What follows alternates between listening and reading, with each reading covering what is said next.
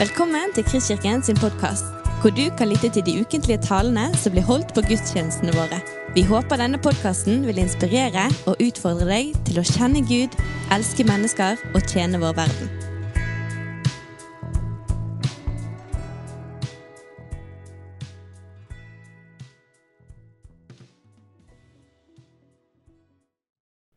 Jeg heter Arne Kristoffer, eh, utdannet lærer, men jobber til daglig i Senegal, et stykke herfra, sammen med min nydelige og gode hustru Miriam. Og vi har da fire barn med oss på misjonsfeltet der nede.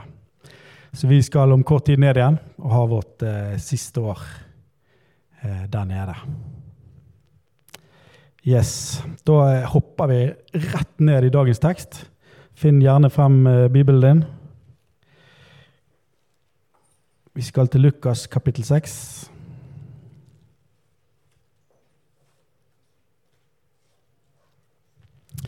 Versene 36 til 42.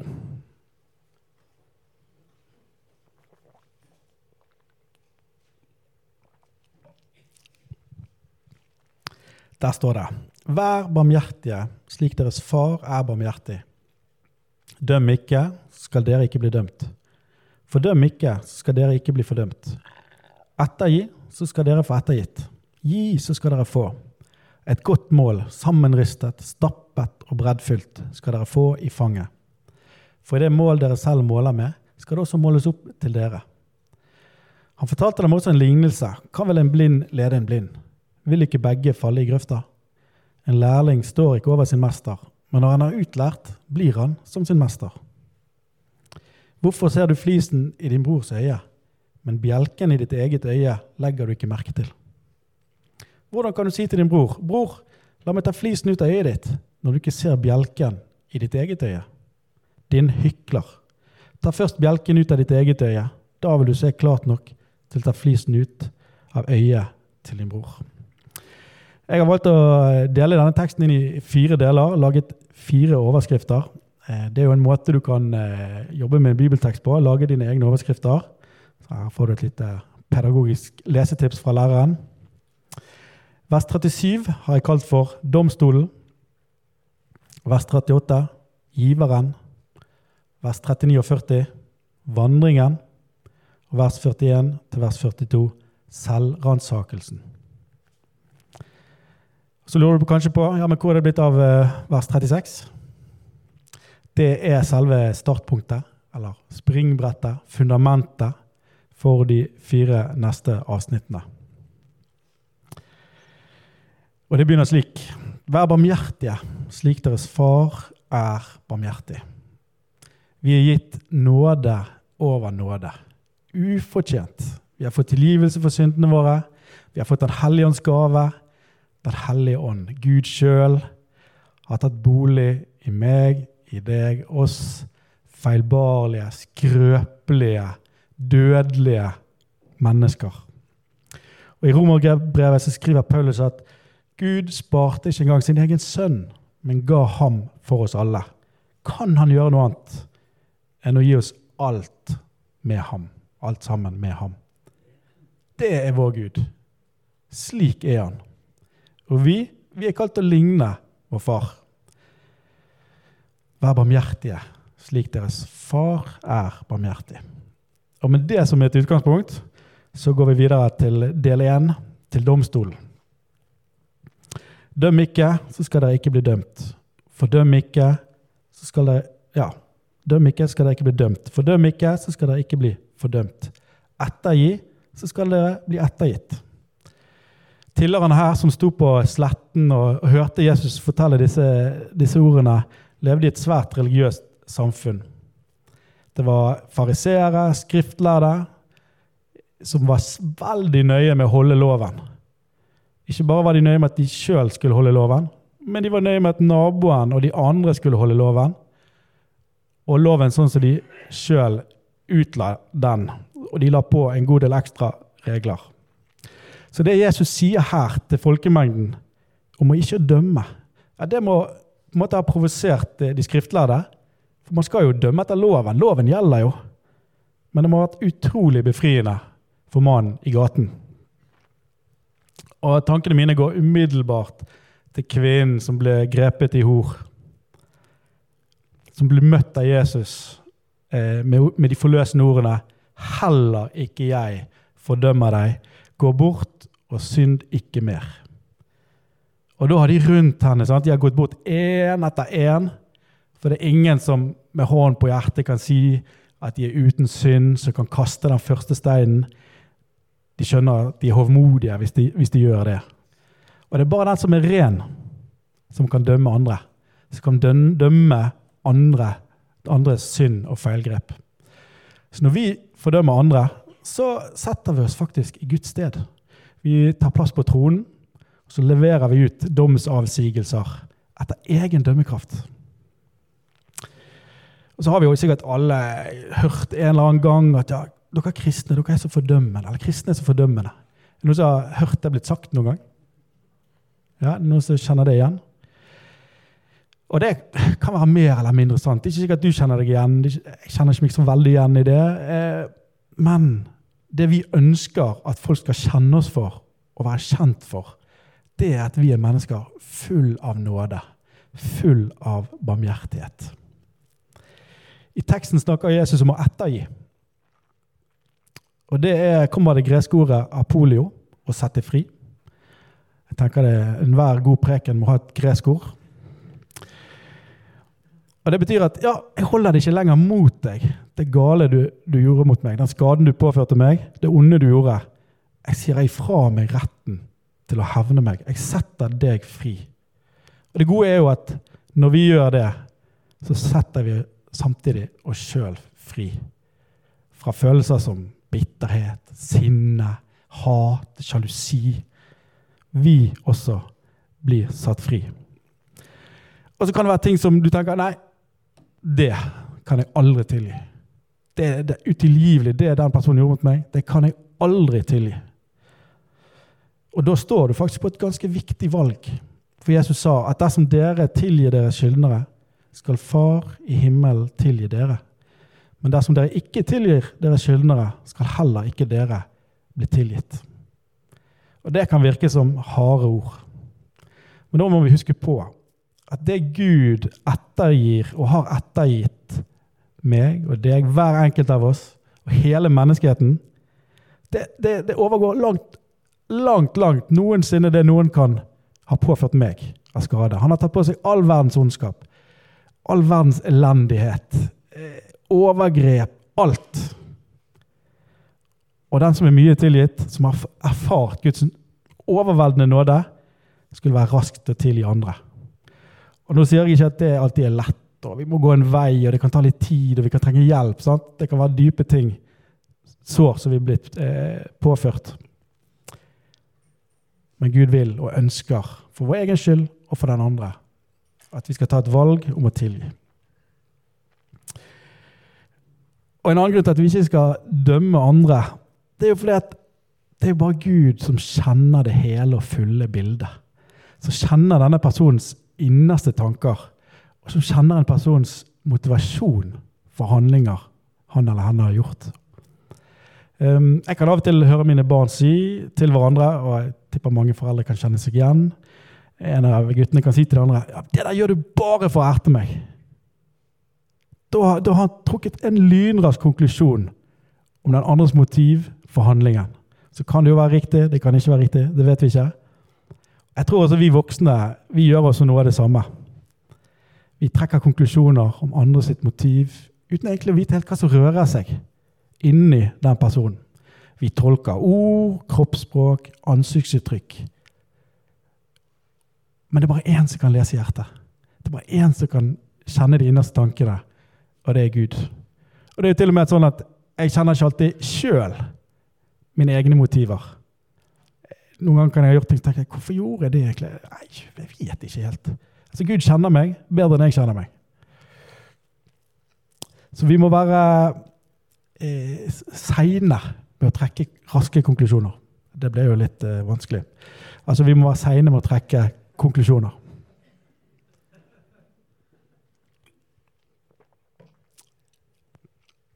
Jeg eh, gikk på en smell en gang når det, gjaldt dette å, trekke rask konklusjon og danne oss et førsteinntrykk. For det er jo sånn at vi etter bare noen sekunder har møtt et nytt menneske, så har vi et slags bilde av denne personen. Vi har gjerne tenkt litt på om jeg er bedre enn deg eller dårligere enn deg. Hvor er jeg i forhold til deg? Um, er du en bra person, en dårlig person? Og det skjer nesten automatisk. Og Da er det ekstra viktig å bare ta et steg tilbake. Minne oss sjøl på at uh, jeg kjenner ikke historien til denne personen. Jeg vet ikke hva denne personen har vært igjennom som gjør at han eller hun uttrykker seg på en sånn eller sånn måte. Sant?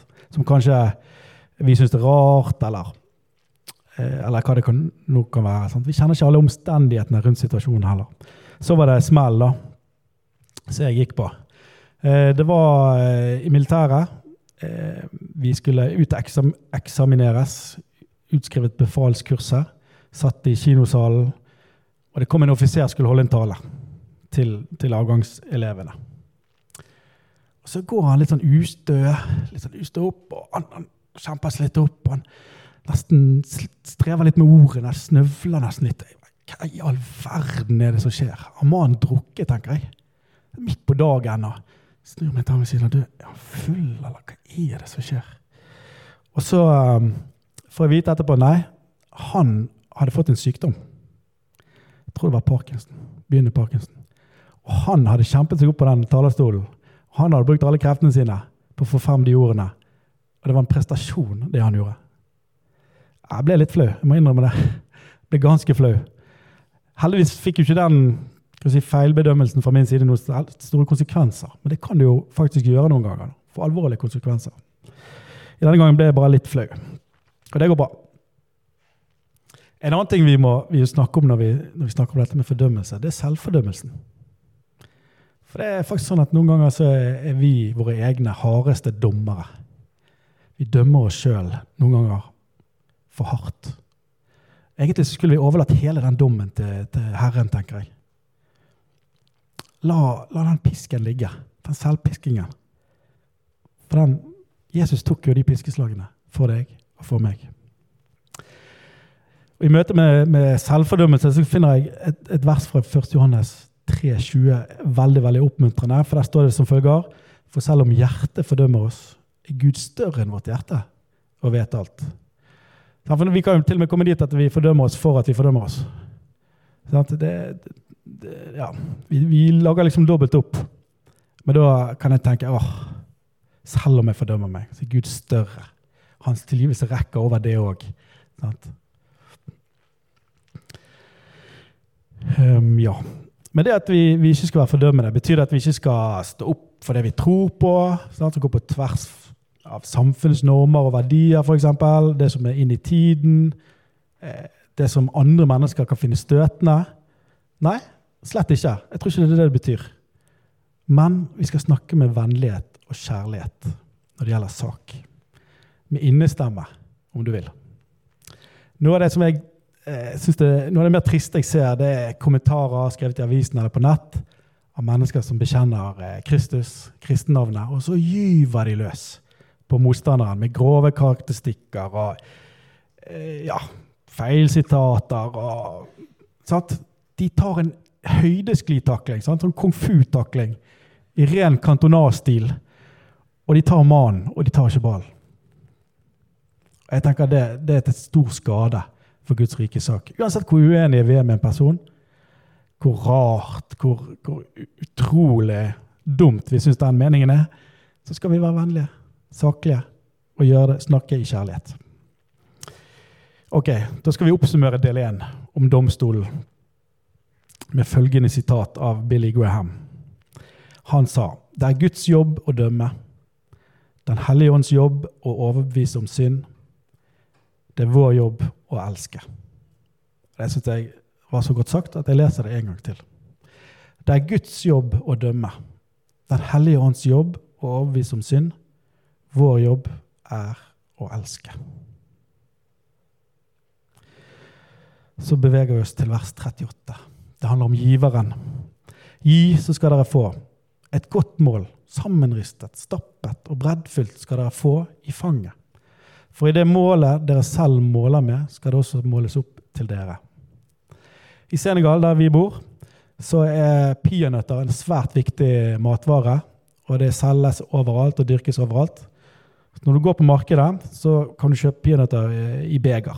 Så du måler de opp et beger til deg, tømmer oppi posen din, så skal du ha la oss si, fire beger med peanøtter. Og hvis du da har hatt en, en god samtale med denne personen, og hun ofte damer da, som selger peanøtter, hun er ekstra hyggelig, ja, så legger hun på litt ekstra på toppen. Så renner det over begeret. Så får du med deg litt ekstra peanøtter hjem. Og sånn, Det ligner på Gud, tenker jeg. Han lar det renne over. Han gir deg ikke bare litt, men han lar det renne over. Han er uendelig rik og raus. Og Gud har mange beger. Han kan selge peanøtter til alle. Det er ikke sånn at det er bare noen som får, og noen som må vente. Han har til alle. Det går aldri tomt. Jeg, for noen år tilbake så gikk det litt sånn opp for meg da, at, at Gud jo, han er uendelig. Uendelig kapasitet. Han er ja, uendelig med ressurser. Han kan ta imot alle eh, bønner på en gang. Uforståelig selvfølgelig for oss. Men hvis jeg har det som jeg tenker er en liten ting på mitt hjerte, som jeg ønsker å legge frem for Gud, så kan jeg legge det frem for Gud, selv om jeg tenker at ja, det er jo sikkert noen som har viktigere ting. Det er noen som har mer alvorlige ting å legge frem for Gud. Og det er det jo hvis det er en liten, lite ønske jeg har. sant? Men saken er at jeg tar jo ikke noen ting fra Guds kapasitet. Han kan ta imot alle våre bønneemner eh, og ønsker eh, på en gang. Så eh, vær frimodig. Du kan spørre Gud om stort og om smått. Jeg tenker at Når vi deler raust og rikelig av det vi sjøl har fått, så viser vi andre noe av hvem Gud er. Om vi deler av tiden vår, sant? det kan være penger, det kan være oppmerksomhet, det å lytte. Da viser vi faktisk våre medmennesker noe av hvem Gud er. Så hold det du eier, litt løst i hendene. Se etter muligheter til å overøse de rundt deg med, med gaver, med gode ting, med godhet. For er det egentlig ikke sånn at i bunn og grunn alt det vi har, kommer fra Gud? Alt som er godt, kommer fra Han? Jeg tror det. Så det var giveren. Da går vi over til vandringen. Vers 39 og vers 40. Vi er på en vandring her på jorden, og vi trenger noen til å lede oss. Jeg kjenner ingen bedre enn Jesus til å lede oss på livets vei. Han er ikke blind, så vidt jeg vet, og han leder oss ikke inn i grøften. Men han er en som ser alt og kjenner alle. Vi er lærlinger som er på vei, og vi skal en dag bli utlært og bli som vår mester. Tenk på det. En dag skal vi bli som vår mester. Så kan du se litt på deg sjøl og dine egne tilkortkommenheter og tenke «Ah, Skal jeg bli sånn som Jesus? Ja, det er det Gud jobber for.